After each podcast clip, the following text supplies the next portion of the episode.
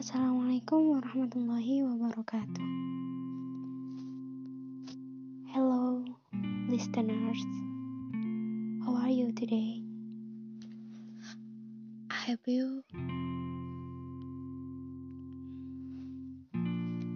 I hope you all are well. I just want to say something. Something that may be difficult to say, but it is terrible to feel. Yes, of course. About longing. What do you think about longing is? Maybe many all of you say that longing is a painful feeling. What you don't really want to feel. But yes, this is reality.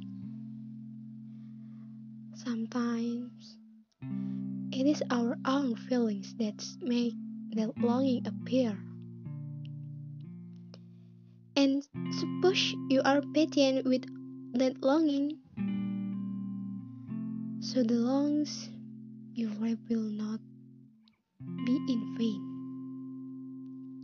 Yes, it does hurt when you know that the person you miss never understand our feelings.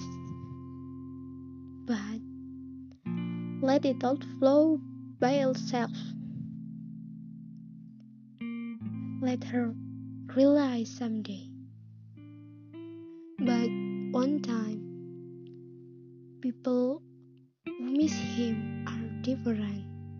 Human can be different because of other people's attitude towards them maybe t- maybe tired because she felt that his feelings were never appreciated for so long. And suppose everyone knows the person who is in the room longs. It was more chaotic than normal people. Therefore, try to understand more. Give her a little time. At last, don't mess up her mind.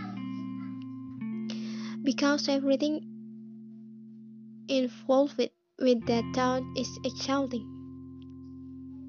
But outside